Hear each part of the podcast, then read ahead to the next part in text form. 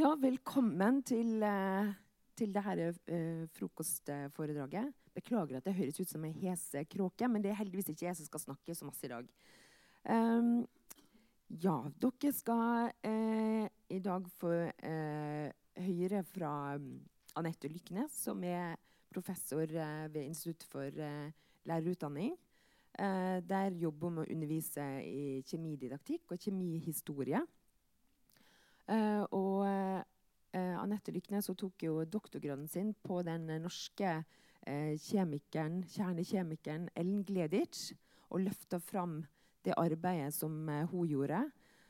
og siden har hun fortsatt med å løfte fram kvinnelige forskere sin rolle da, i, i, vitenskapen.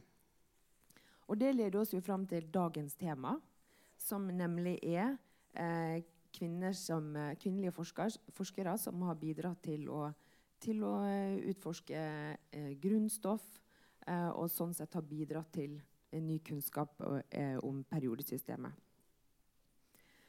Uh, og det er jo sånn at Anette Lyknes og, og, og kollega Birgitte van Tiggelen de har da som redaktører løfta fram hele 38 eh, historier om sånne kvinnelige forskere. Ikke alene, da, men det skal hun fort fortelle mer om. Eh, og dette temaet er jo veldig aktuelt, for det er 150 år siden periodesystemet ble oppdaga i år. Og det er jo fint at det er flere som kan dele på den heden eh, enn han Dmitrij Mendelejev, selv om han var en sentral person her. da. Uh, og blitt, uh, denne boka har blitt uh, lagt merke til og har allerede blitt Anette ble jo spurt om å skrive en Nature-artikkel om det temaet her til tidligere i år. Så det her blir også lagt merke til internasjonalt, folkens. Så vær så god, Anette. Ja, takk for det. Periodesystemet er jo et av de mest kjente ikonene i naturvitenskapen. Eh, og det er noe du finner overalt, eh, og ikke minst i ethvert naturfagklasserom og forelesningssaler der det undervises kjemi. Eh, og selv om da mange ikke helt eh, nødvendigvis vet hva det representerer, så vil de fleste ha fått med seg at dette her er noe sentralt. Men hva er det som er så spesielt med det, da, siden at i år eh, så feires over hele verden at det er 150 år gammelt? Eh, og til og med FN da har erklært 2019 som periodesystemets år.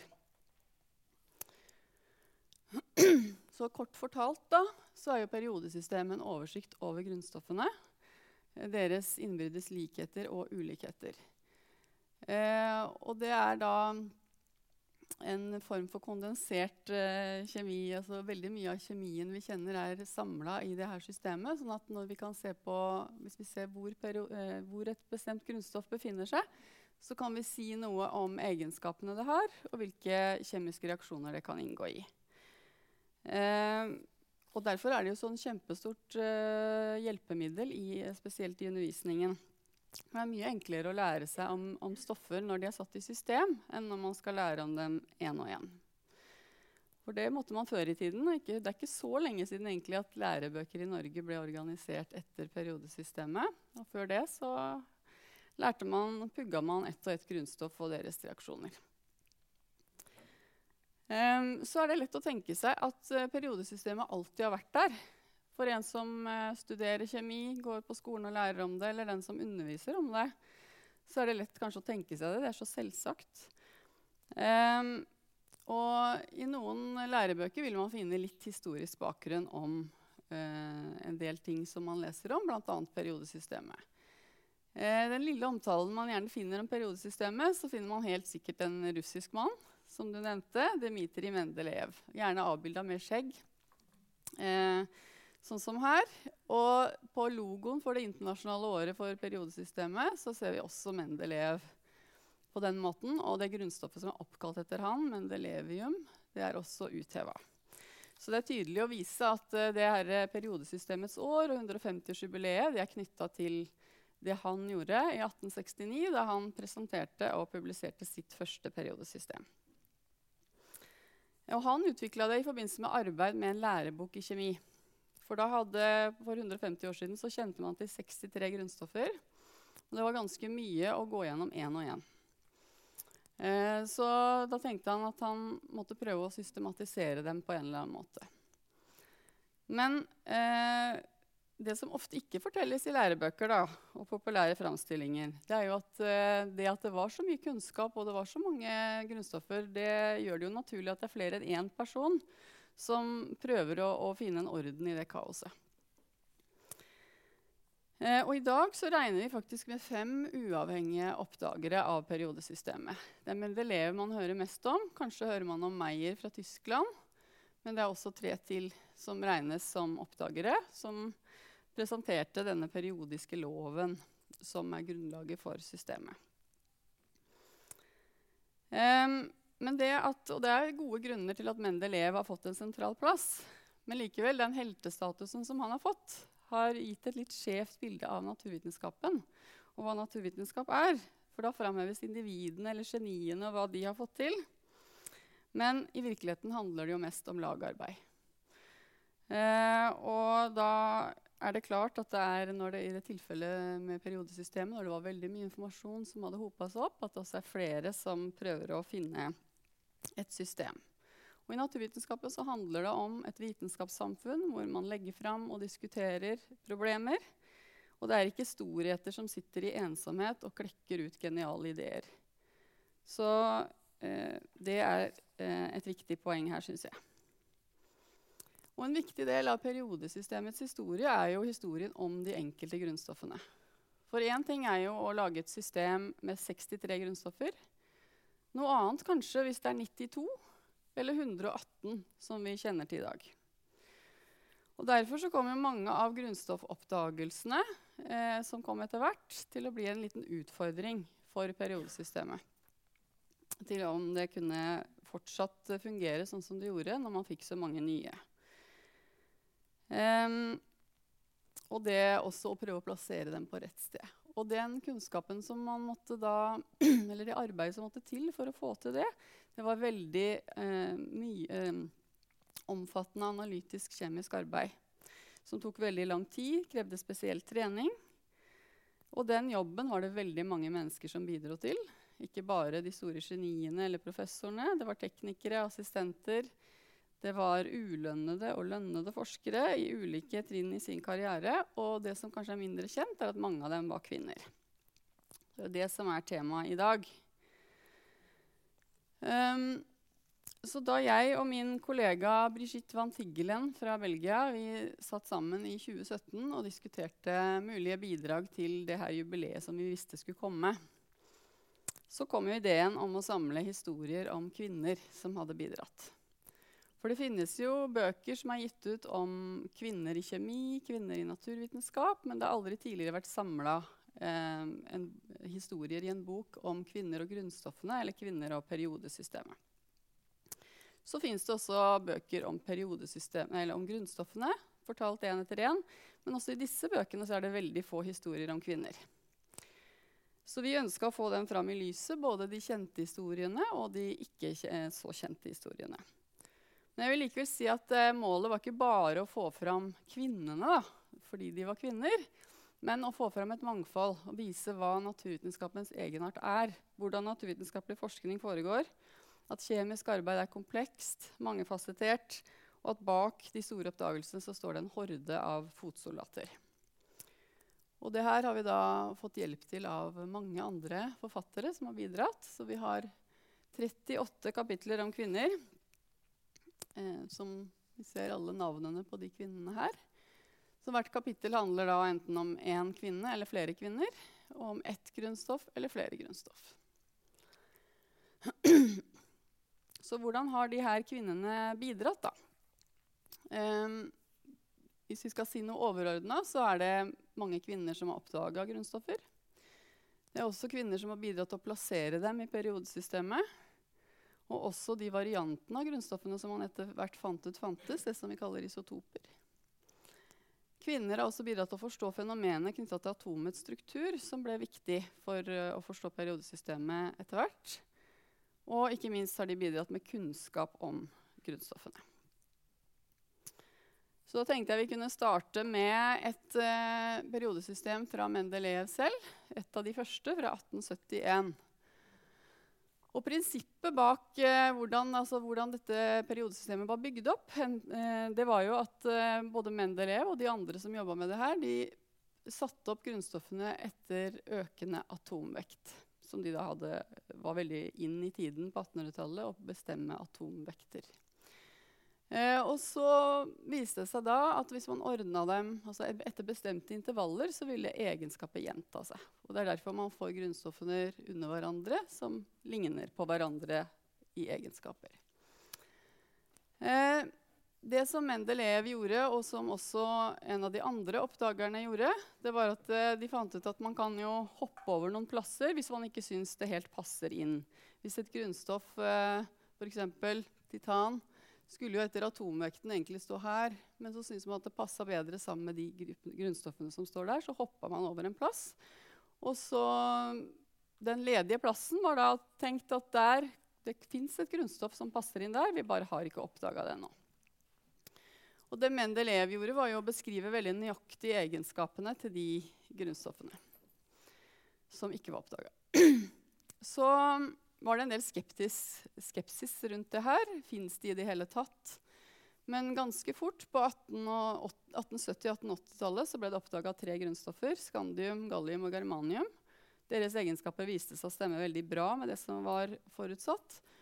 Og da eh, ble det en styrke for periodesystemet. Men det var ikke alle grunnstoffer som var like lett å plassere. Og En sånn gruppe med grunnstoffer var det som kalles platinametallene. som vi har markert rundt her, eller Noen av dem er platinametaller. Eh, og da har vi kommet litt ut av bildet, ser jeg. Men det var en russisk dame, Julia Lermontova, som var på Mendelejevs tid, og som var i hans kretser. Hun var jo som med det her. Hun var jo ingen hvem som helst. Hun var en av de første kvinner i verden som fikk en doktorgrad i kjemi i 1874 allerede. Eh, hun jobba i flere laboratorier i Europa, bl.a. i Tyskland, hvor hun traff Mendeleev og begynte å diskutere problemet med platinametallene. Det som var Problemet med dem var at de hadde så veldig like atomvekter. 104, 104, 104, 106. Og så her er det også en gruppe som har ganske like atomvekter. Så det var ikke noe opplagt hvilken rekkefølge de skulle stå i. Og, og så hadde de også veldig like egenskaper. Så hvordan kunne man løse det? Det man måtte gjøre, var jo først å finne mer nøyaktige atomvekter, sånn at de kunne skilles. Det var et kjempestort analytisk kjemisk arbeid som krevde trening. Men før man i det hele tatt kunne gjøre det, så måtte man jo separere dem. Sånn at man visste at det man bestemte atomvekten til, det var noe som var rent. Hvis ikke så ville det bli feil verdier, og det, det systemet du har laget, er basert på feil grunnlag. Så Julia Lermontova var den som gjorde et første skritt i den, i den type undersøkelse ved å separere platinametallene. Og hennes manuskript ble aldri publisert, men er funnet igjen i Mendelevs arkiver. Og er da vært et grunnlag for det videre arbeidet. Som han og flere andre gjorde. Hvis vi hopper litt fram i tid, så eh, ser dere her et periodesystem fra 1896 av en som heter Theodore Richards som var en autoritet på nettopp det med å bestemme atomvekter i verden. da. verdenssammenheng. For det som jeg sa, det var veldig nitidig analytisk-kjemisk arbeid. Som, det var ikke hvem som helst som var kjemiker som bare kunne begynne å gjøre det her. Du måtte ha lang trening. Dere ser kanskje at periodesystemet ser ganske annerledes ut enn de andre jeg har vist. Og dere som kjenner det, vil kanskje ikke synes at dette er så likt. Så Det er et av mange eksempler på at det florerte av representasjoner av periodesystemet. bare så det også er sagt. Eh, fortsatt i 1895 så var det mange grunnstoffer som ikke var oppdaga. De er markert med prikker her. De som jeg har satt piler på, det er grunnstoffer som ble oppdaget av kvinner, eh, som er omtalt i boka vår. Radium og polonium eh, med Marie og Pierre Curie i 1898. Protaktinium, Lise Meitner og Otto Hahn 1918. Renium, Ida Walter Noddak 1925. Frankium, Marguerite Perret 1939 og Astat, som da først ble kunstig, eller fremstilt kunstig, og siden oppdaga naturlig av to kvinner i, som er omtalt i boka vår. Og dette er de naturlige. Det kommer også historier om de kunstige. Um, så fins det mange grunnstoffer ble, hvor det ble gjort et tidlig arbeid av kvinner, men som ikke den gangen ble identifisert som grunnstoffer. Så da har man enda flere historier når det gjelder oppdagelser. Så vi kan jo fortelle om noen av disse oppdagerne. Eh, den mest kjente kvinnen, vitenskapskvinnen noensinne er vel Marie Curie, som sammen med sin mann Pierre Curie oppdaga to grunnstoffer, polonium og radium. To år tidligere så hadde de og Henri Becquerel eh, bidratt til å finne et helt nytt fenomen, radioaktivitet. Og det Marie og Pierre Curie var i gang med, var å undersøke mineraler. Først hadde de undersøkt hvilke grunnstoffer som vi kjenner til kan være radioaktive. og De fant at det var bare uran og thorium. Så gikk de løs på uh, mineraler og, og, prøvde å finne ut og studere denne strålingen. Så fant de ut at det var uh, noen Så de løste opp og delte opp i forskjellige fraksjoner disse mineralene. Så fant de ut at noen av dem hadde så, aga så mye stråling at det ikke kunne være uran og thorium. Så det måtte være noe nytt. Eh, og da, eh, ved hjelp av radioaktivitetsmålinger og kjemiske egenskaper, så sa de at dette var to nye grunnstoffer. Men i et kjemikersamfunn så må man ha noe mer fysisk bevis. Så man kan ikke bare ha en spektroskopisk linje eller, eller en, en bevis på at de stråler annerledes enn andre. Så de måtte i gang med det store arbeidet å få noe som var veibart, et fysisk bevis. Og da, det bildet her det er fra Nobelmuseet i Stockholm da de hadde en 100-årsutstilling for Marie Curies eh, andre nobelpris. De fikk jo en nobelpris sammen i 1903 for oppdagelsen av radioaktivitet. sammen med Henri Becquerel. Så fikk Marie Curie alene i 1911 i kjemi. Så det bildet her er et symbol på den store mengden mineral som Marie Maria Pierre Curie og de medarbeiderne de hadde rundt seg, måtte gå gjennom for å klare å produsere 0,1 gram av radio, et radiumsalt. Så det var flere tonn som de måtte analysere. Så det sier noe om Det er en ting som ofte er underkommunisert når man snakker om naturvitenskapelige oppdagelser. Så hvor mye arbeid det egentlig er eh, og hva det går ut på. Og det her tok jo da nesten fire år å få til. Um, når Pierre Curie eh, døde i 1906, så da ble det Marie Curie som overtok eh, som leder av laboratoriet.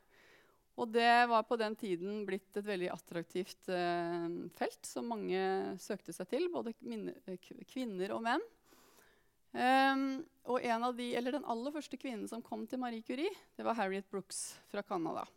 Men hun var ingen novise når hun kom dit. Hun hadde allerede jobbet da i flere år sammen med Ernest Rutherford, en annen pioner innenfor radioaktivitetsforskning. Og de to hadde undersøkt eh, eh, noe som skulle bli veldig grunnleggende. For radium, når det avgir stråling, så dannes det et nytt stoff. Og de visste jo ikke hva dette stoffet var. Så det var det Rutherford og Brooks sammen gjorde, og de karakteriserte dette stoffet som en gass. Eh, senere ble det identifisert som radon. Eh, men det var jo den første beskrivelsen av eh, dette her som i dag forklarer radioaktivitet med, nemlig at et eh, grunnstoff omdannes til et annet grunnstoff når det avgir stråling. Og det var også den første beskrivelsen av grunnstoffet radon.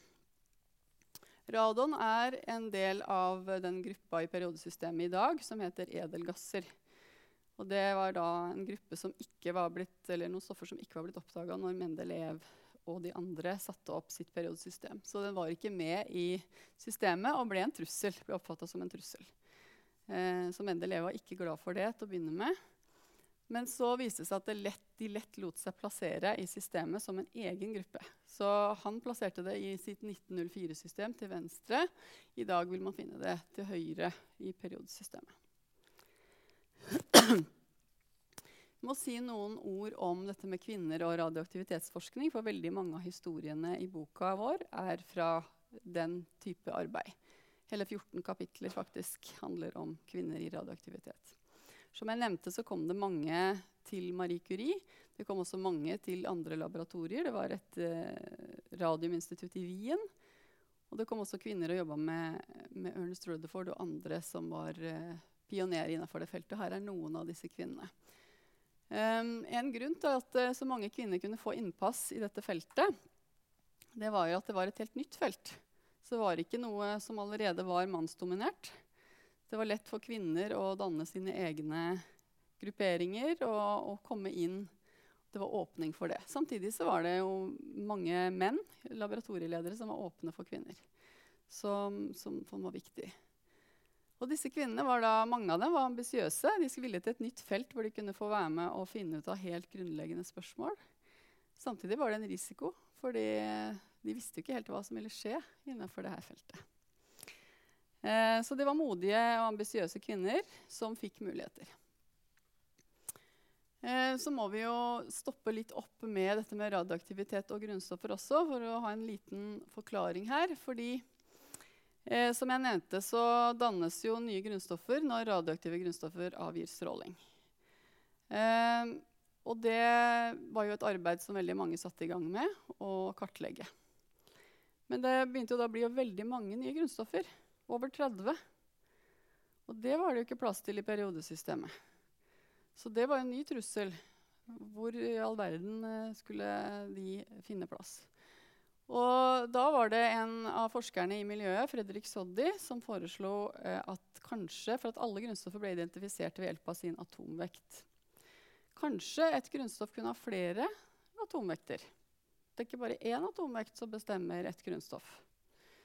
Eh, og det er det figuren hans her eh, er en forklaring på. For i hver sånn kolonne her så har vi ett grunnstoff, bly f.eks.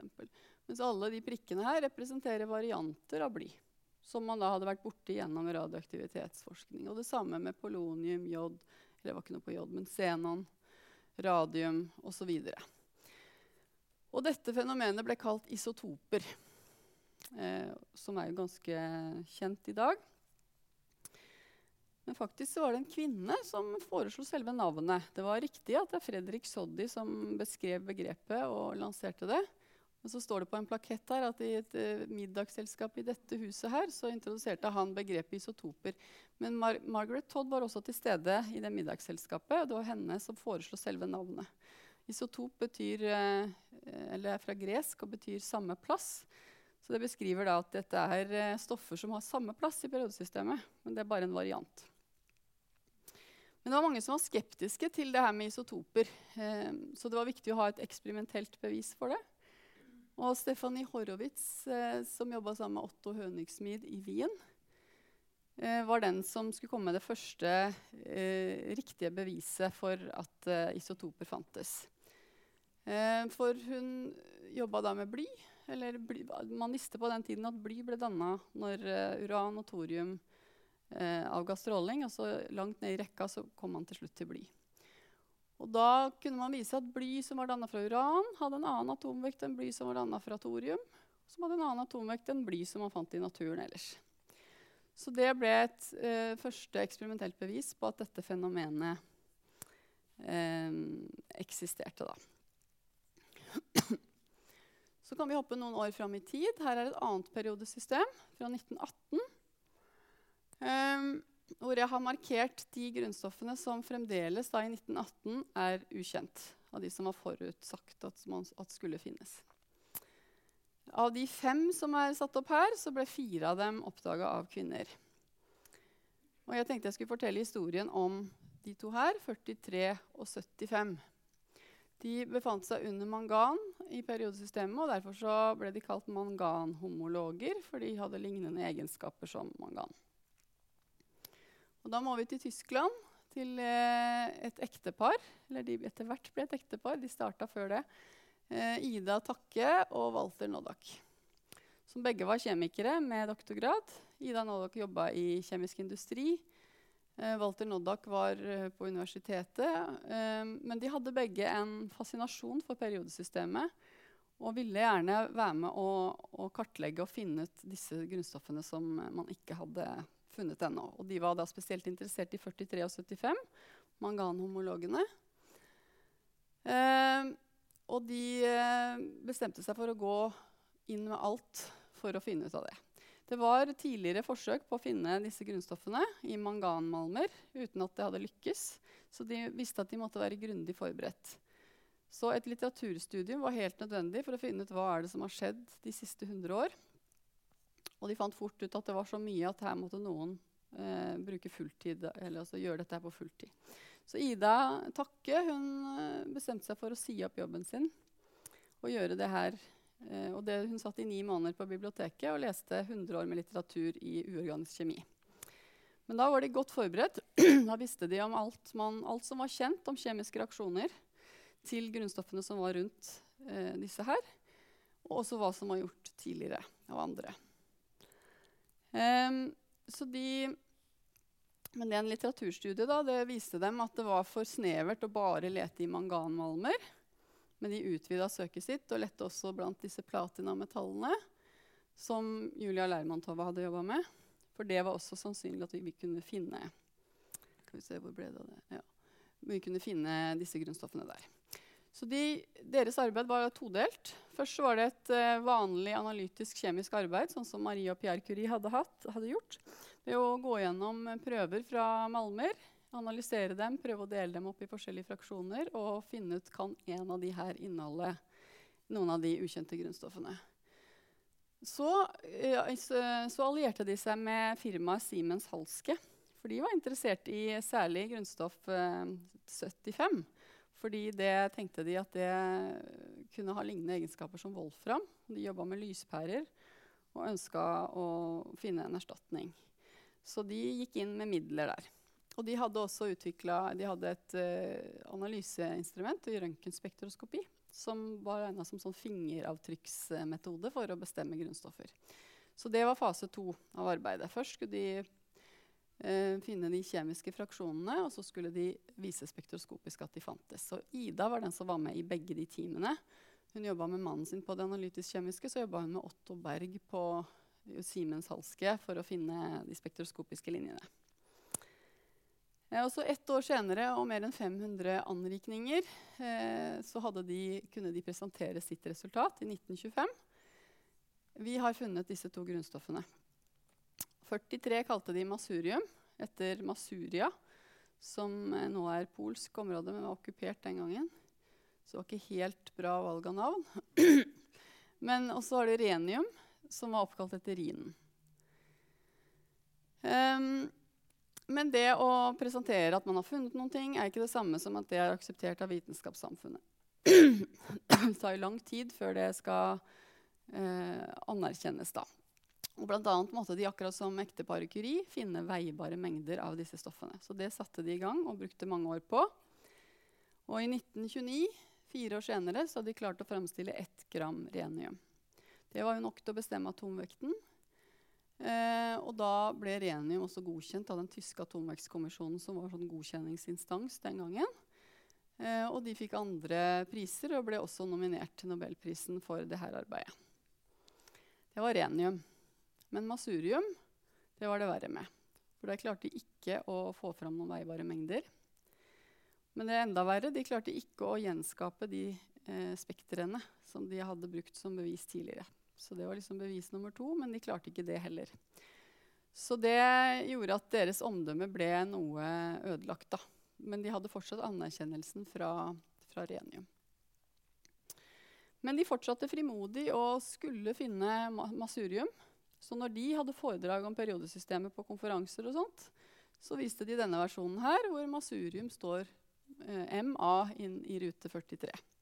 Selv om ikke det på noen måte var anerkjent. Um, den gangen var uh, altså det, man, det, tyngste grunnstoffet man kjente til, var uran. Det var 92. Og det er også det tyngste naturlig forekommende grunnstoffet vi kjenner i dag. Men man tenkte seg at det kunne finnes stoffer som var tyngre. Eh, og nummer 93 var da på den tiden plassert rett under 75. Så det var også en manganhomolog. Så det var, eh, eller tenkte man da. Så det var Ida Nollok veldig interessert i. Så når det kom påstander fra eller når forskere publiserte om at de kanskje hadde funnet grunnstoff 93, så var hun på banen med en gang og, og kom med sin kompetanse. Blant annet så var det en som het Koblitz, som hun overtalte til å trekke tilbake sin eh, påstand. Da, fordi hun mente at det ikke var hold i den. Men så skjedde en del ting på 1930-tallet, og der kommer en ny kvinne inn. Irene Joliot-Curie, som var datter av Marie Curie. Hun jobba også sammen med sin ektemann, Fredrik Joliot-Curie. De gjorde en helt spesiell oppdagelse i 1934. For de fant ut at hvis de kunne bombardere grunnstoffer med partikler, så fikk de faktisk danna nye radioaktive stoffer. Eh, og det var jo noe helt nytt at man kunne indusere, altså sette i gang sånne kjernereaksjoner. Så de fikk nobelprisen for dette, for oppdagelsen av kunstig radioaktivitet, 30 år etter at foreldrene hennes hadde fått nobelpris for oppdagelsen av naturlig radioaktivitet. Eh, men dette her skapte jo også stor interesse ellers i vitenskapssamfunnet. Nå skulle vi begynne å bombardere partikler og finne ut om vi faktisk kan få tak i disse her 93, 94, 95 osv. De som kanskje kommer etter uran, hvis de fins. En gruppe som gjorde det, det var Enrico Fermi sin gruppe i Roma. Bombarderte urankjerner med nøytroner. Uh, og de mente at de hadde produsert grunnstoff 93 og 94. Publiserte om det. Men da kom Ida Noddak på banen igjen, som følte seg som en ekspert på manganhomologer. Uh, og hun, hun var ingen kjernekjemiker eller radiokjemiker. Men hun mente, og hun sa veldig frimodig, at uh, med nøytroner så kan det her være helt nye typer reaksjoner vi ser. Det er ikke sikkert at det som blir danna, er 93, 94 eller andre tunge grunnstoffer. Det kan like godt være at den kjernen eller det grunnstoffet som dere har bombardert, det har blitt splitta i, i, mindre, i lettere grunnstoffer. Det er det som kalles fisjon i dag. Eh, og hun kritiserte jo Fermi og gruppa først og fremst fordi de hadde ikke sjekka de nye produktene eller nye grunnstoffene sine mot alle grunnstoffer i periodesystemet. De hadde bare sjekka dem mot de andre tunge. Men hun sa det, jeg tror det kanskje det finnes noen lette grunnstoffer her.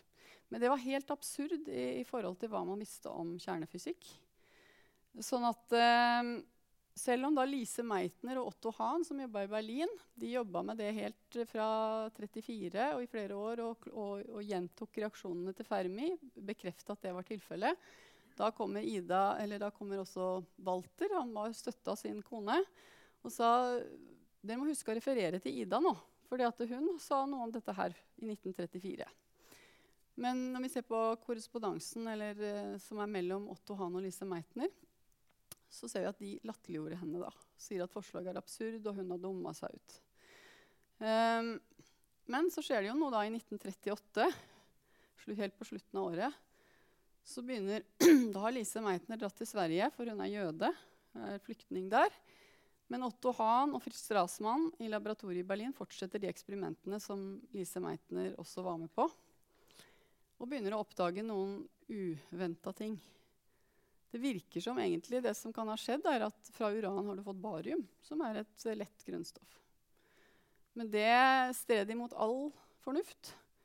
Så de trengte Lise Meitner, eh, som satt da i Sverige, til å komme med den fysiske eh, forklaringen på det her. Så sammen med sin nevø Otto Frisch så utleda hun det teoretiske grunnlaget for fisjon, som gjorde at eh, Otto Hahn og Fritz Strassmann turte å gå ut med sine resultater. Eh, og publisere det, og av politiske grunner så kunne de ikke publisere sammen med Lise Meitner. Eh, så det ble to ulike publikasjoner, én kjemisk og én fysisk, på en måte.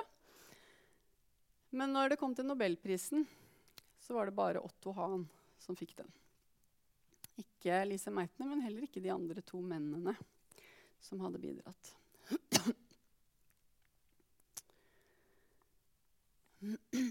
Så det er jo bare en illustrasjon på dette med fisjon.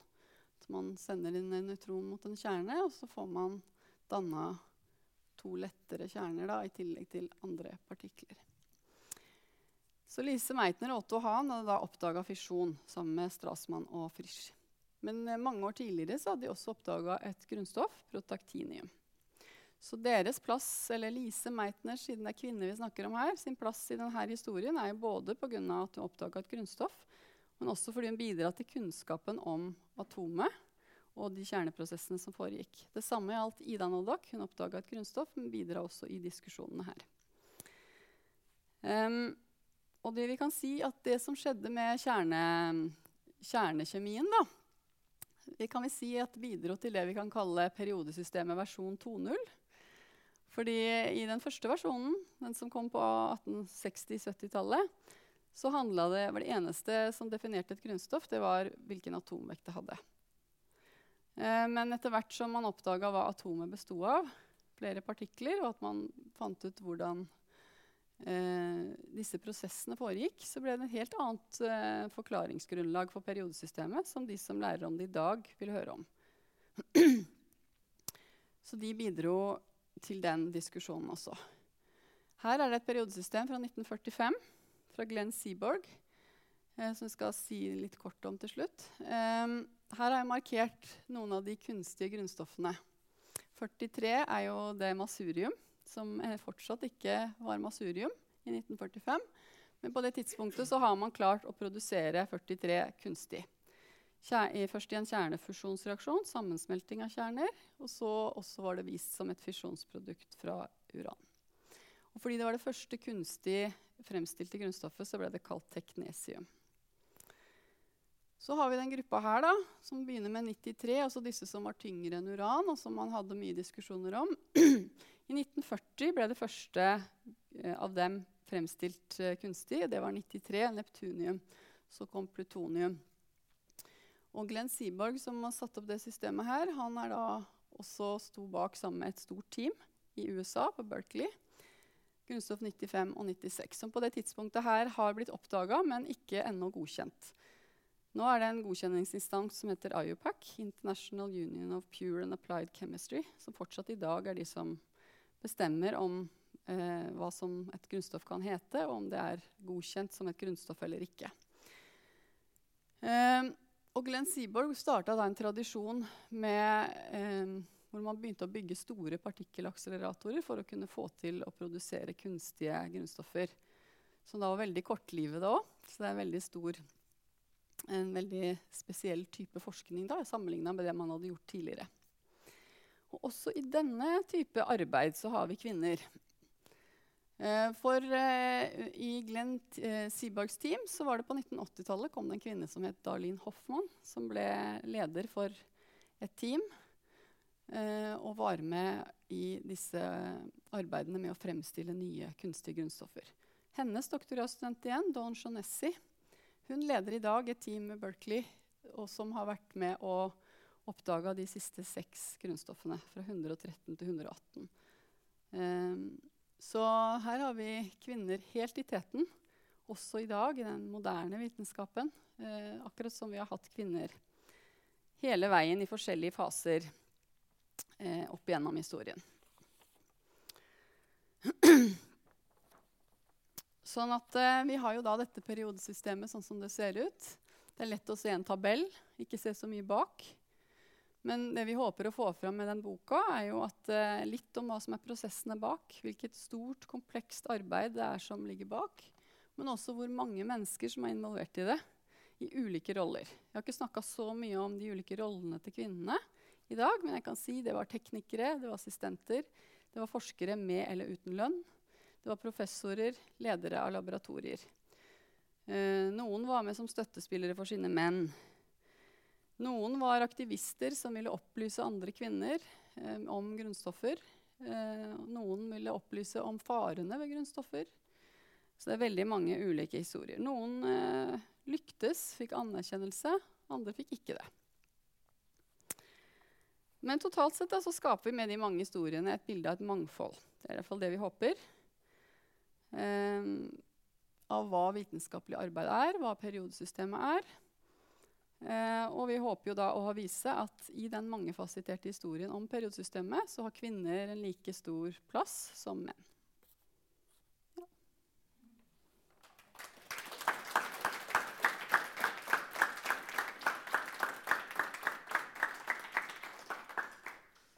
Tusen takk for et veldig spennende foredrag, Anette. Um, sånn Hvis dere har noen spørsmål, så eh, er det bare å, eh, å fyre løs. Eh, men jeg har lyst til å starte, da. Eh, så jeg begynner med eh, Kan du fortelle litt om hvorfor du har eh, engasjert deg særlig for, for kvinnene sin rolle i vitenskapen? Ja, kvinnene har en like naturlig del i historien som menn, rett og slett. Sånn at det er det er veldig viktig å balansere historien. Det er noe en ting. Men også gir det en innsikt da, i et samfunn, gir et innsikt i vitenskapen og i hvilke roller de hadde, uh, hvordan de ble møtt. Og det lærer oss noe i dag òg. Om hvordan uh, det er ikke ja, Det er mange ting som man kan lese historisk, som man kan kjenne igjen i dag òg. Er det noen her som har, eh, har noen spørsmål? Ja?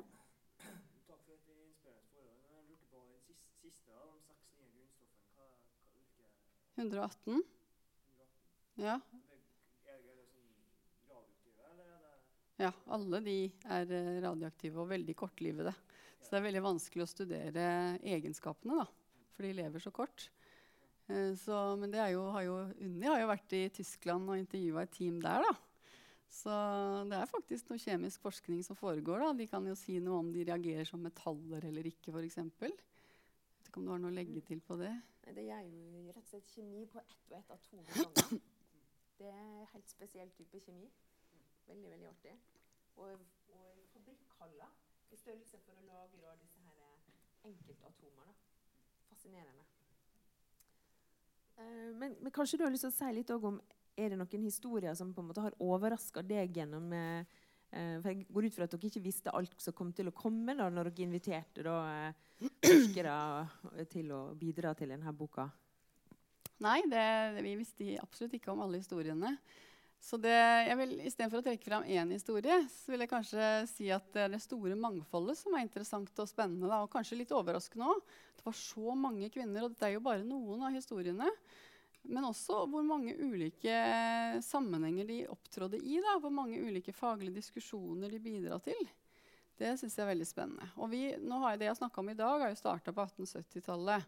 Men i boka så starter vi på 1600-tallet, lenge før eh, eh, periodesystemet som system. Men der bidro også kvinner med eh, studier av ting man fant i gruver, eh, og også i diskusjonene om hva et grunnstoff er. For uh, før slutten av 1700-tallet så var det fortsatt jord, luft, ild og vann som var de fire grunnstoffene. Og en av kvinnene som er med i boka vår, hun er med og diskuterer egenskapene til ild. Og presenterer det for vitenskapssamfunnet. da. Um, og vi har en kvinne som er med å overbevise om at vi skal snakke om oksygen og den nye kjemi, og ikke flogiston, som representerte en gammel teori. Så det er et veldig stort spenn. Og det, selv om på en måte når man har jobba med historisk forskning, så blir man ikke overraska, men likevel, når du ser det sånn under ett, og liksom ser wow, det her er mye, og det er så mye forskjellig, så mm. Og det var jo, nå, nå har jo Universitetsavisa blant annet skrevet litt eh, På 8. mars da, så var det, jo en, var det jo en sak. Og da var det jo mange som ble veldig opprørt rett og slett, over, eh, over den, så mange kvinner som var blitt forbigått. da. Så det ble en del delt på sosiale medier, så jeg. Eh, og det kom jo også spørsmål om eh, er, det, er det sånn Hvordan er det i andre fag? Vil du si at eh, kjemi har vært at det har vært særskilt vanskelig for kvinner å, å nå opp i, eh, eller få anerkjennelse da, i kjemisk forskning? Så nå vil jeg først si at eh, historiene her er ikke bare om forbigåelse. Absolutt ikke. Du har Marie Curie, du har mange andre eksempler på kvinner som har eh, fått anerkjennelse. Også mange eksempler på kvinner som har virkelig blitt støtta av sine veiledere, av sine ektemenn. Eh, som har fått muligheter. Så det er, det er ikke noe ensidig om at det er forbigåelse, selv om det selvfølgelig har forekommet. Men nei, jeg tror at det forekommer Vi har jo eksempler fra mange andre fag, og det, det er vel ting som man kan eh, oppleve i dag òg. Altså, forskning er, handler om en agenda, det òg. Det er politikk. Det er mennesker som samhandler med andre mennesker. Og som eh, gjør det de trenger å gjøre for å få sin posisjon i et, eh, i et samfunn. Vitenskapssamfunn. Så, så det Ja.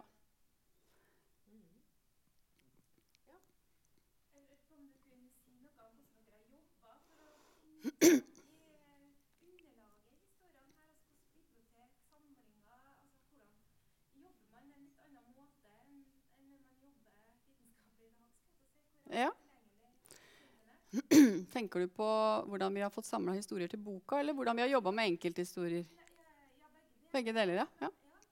Nei, altså For å bare ta boka først. da. Så Jeg og Brigitte van Tingelen vi har jo forska på kjemihistorie. Så vi, vi kjenner jo en del historier eh, gjennom det andre forskere har presentert. Så vi delvis så kontakta vi folk vi visste om som hadde gjort spennende arbeid, og spurte om de ville bidra til boka. Så sendte vi også ut en åpen call, da, eller utlysning om folk som hadde lyst til å bidra, som sendte inn abstract, og som vi vurderte og fikk være med. Så fikk vi nye historier.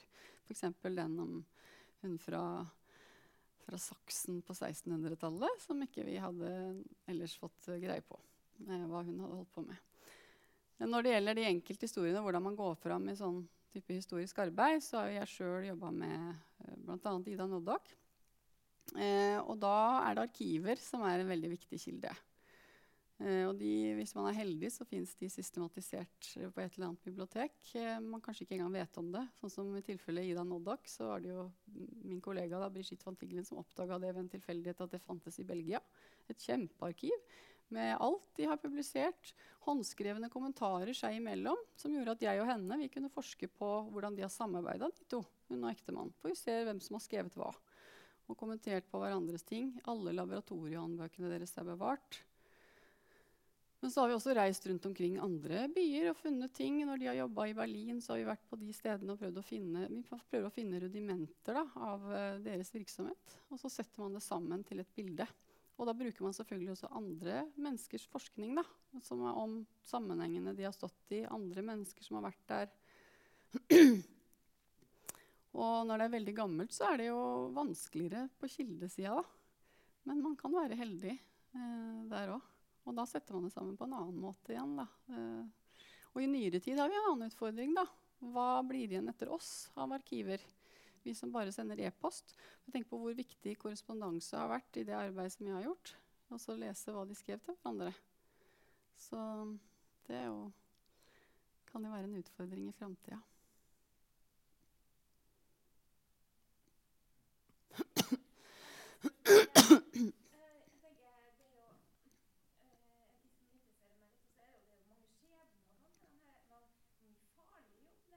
Mm. Ja. Vi har, eh, noen, vi har et par kapitler om kvinner som oppdaga farene ved bly. Som, aktiv, eh, som, ble veldig aktiv på å opplyse folk og gå rundt i bedrifter og fortelle om faren og komme med forslag til hvordan man kunne gjøre for å hindre blyforgiftning. Så har vi også Marie Curie som jobba med radioaktivitet. Og vi har mange kjente eksempler på folk som har blitt syke av stråling. Og da sies det gjerne at Marie Curie ja, hun elska radium, det var hennes baby, og ingen hun ville ikke være ved at det var farlig. og sånn, Men faktisk så har det vist seg at, uh, at, hun var en av de som tidlig begynte å snakke om beskyttelse mot stråling. da. Akkurat de har ikke fått så mye plass i boka her, men det er jo historier som fins, og som man kunne gjøre noe mer ut av. Men vi har et par kapitler da, om kvinner som var uh, aktive og bidra om kunnskap om giftighet. da.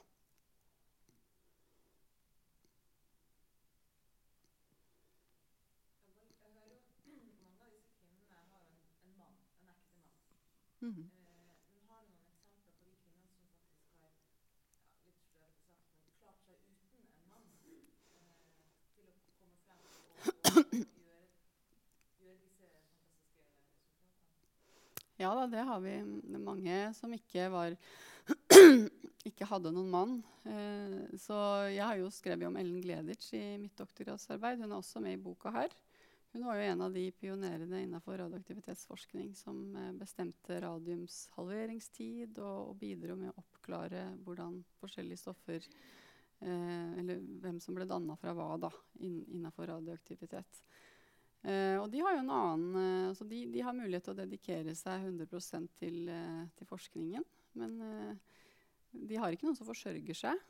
sånn at da har du den, altså de kvinnene som var gift, sånn som Ida Noddak hun måtte faktisk slutte å jobbe. Hun Først slutta hun frivillig, men hun fikk faktisk ikke lov til å ha en stilling fordi hun var gift. Sånn var det i Tyskland på den tida. Fordi at de, de, det var én inntektsfamilier, på en måte. Så, men da fikk hun andre muligheter, da. Hun fikk lov, Mannen var etablert, han hadde et laboratorium, han hadde masse medarbeidere. De kunne publisere, de kunne søke på midler. Så, sånn at det var også en mulighet. Eh, men så har vi historien om Margaret Perez, som jeg ikke sa noe om, men, eller nevnte så vidt at hun oppdaga frankium. Det er jo en litt morsom historie. Hun var også en, en måte en ensomstående eller, ja, kvinne som var i Marie Curies laboratorium. Men hun var tekniker. Hun hadde en, han hadde en, på en måte en sånn laborantutdanning. eller litt høyere enn det, men i hvert fall ikke på sånn forskningsnivå. Og hun ble ansatt som tekniker for å gjøre måte grovarbeid. Men så gjennom det arbeidet så oppdaga hun noe helt uventa, og det var et nytt grunnstoff. Og det fikk henne til å få eh, titler og grader senere, da. For da ble det arbeidet ble så anerkjent at hun fikk muligheten til å ta en doktorgrad seinere, og så ble hun professor også på slutten. Det er veldig mange forskjellige historier. Vi har jo redigert en bok om eh, forskerpar òg, jeg og Brigitte van Tigelen tidligere. Så da har vi jo sett mange forskjellige eksempler på det òg, om kvinner som jobber sammen med sine ektemenn. Det er ikke én historie, det heller. Det er masse forskjellig. Noen har det veldig bra, og noen har det ikke så bra. I noen tilfeller er det kvinnen som får æren framfor mannen. Også, så det er ikke alltid sånn man tror, da. Jeg må jo også få lov til å spørre hvordan eh, føles det når, eh, når Nature tar kontakt og vil at dere skal eh, skrive om det her? Nei, det føles veldig stort, selvfølgelig. Det er jo en anerkjennelse av oss som fagpersoner, som er kjempestas. Men jeg syns også det er stas på vegne av fagfeltet, da. For det er så lett at man tenker at uh, historien skal skrives av de som driver med den vitenskapen som kjemi, f.eks. Men at de anerkjenner noen som faktisk har jobba med vitenskapshistorie profesjonelt. Eh, fordi at det er en kompetanse som er veldig viktig, og som har mye å bidra med i forståelse av naturvitenskapen. Så jeg var glad for det òg. Mm. Bare et, et lite spørsmål. Det, for du snakker om mangfoldet i Det er jo det er veldig vestlig. Alt er veldig vestlig av det du presenterer. Er det, har du eksempler på egentlig ikke bare kvinner, men òg menn som altså, Vi har eh, ikke-vestlige kvinner også med, heldigvis, i boka. Det har vi. Så vi har en afroamerikaner, vi har japanske og kinesiske kvinner med. Så det er klart at der er det mye å gjøre. Så det, hele vitenskapshistorien er veldig vestlig. Den er det. Men det begynner å komme seg, da. Det fins grupper som jobber spesielt med non-western science. Så, sånn at det Og det ønska vi å få med òg, noe, men det er mye igjen å gjøre der. så den avkolonialiseringsbølgen som, eh, som går, den, den gjelder også for Absolutt. Mm. Ja, da ikke jeg om eh, Det ser ut som dere ikke har noen flere spørsmål. Så jeg vet ikke om du vil si noen avslutningsord om hva du syns vi skal sitte igjen med av, eh, av eh, altså, syns, For jeg går ut fra at du ikke syns det er greit at det er bare Dmitrij Mendelejev som skal bli nevnt da, i periodesystemets år. da. Ja, nei, jeg håper jo at en lærdom som dere sitter, et, dere sitter igjen med, er jo at det er veldig mange mennesker involvert. Ikke bare i periodesystemet å komme fram til det og, og utvikle det, men all vitenskapelig forskning. Eh, og at det er både kvinner og menn. Og at det er et komplekst arbeid. rett og slett. Altså Få med noen av de fasettene som er i et sånt arbeid. Det er det jeg håper. Og, og at også noe sånt som at periodesystemet ikke nødvendigvis er en, bare en tabell. Så det fins masse forskjellige Jeg har ikke vist så mange av dem her, da, men det er også en del av historien. Altså det er ikke så enkelt som man tror. Eh, og som, det er jo synd at lærebøker og populære framstillinger at det blir liksom den samme historien som fortelles hele tiden. Så vi håper jo å bidra til å, å få litt andre nyanser inn, da. Og en ting til jeg vil si, eh, for da har vi snakka om kvinner som er usynlige, men at det ikke er bare det som er fokus her. Men vi har også eksempler på menn da, som er usynlige, og som vi prøver å, å få fått fram her. da. Eh, teknikere og samarbeidspartnere som ofte nevnes sånn i en fotnote. Men eh, som, der er det også en jobb å gjøre. Mm. Ja, men da, Hvis dere har noen spørsmål dere brant inne med, sant, så kan dere jo ta kontakt med Anette her. Og så, og så eh, vil jeg bare takke alle for at dere dukka opp sånn kjempetidlig. Eh, og så Hvis dere skulle få lyst til å kikke på grunnstoffer, så har jeg tilfeldigvis med meg en koffert med alle grunnstoffer her. For jeg skal videre på noe annet etterpå. Så hvis noen har lyst til å kikke på renium, f.eks., Ja, ja, så kan dere se på det. Mm.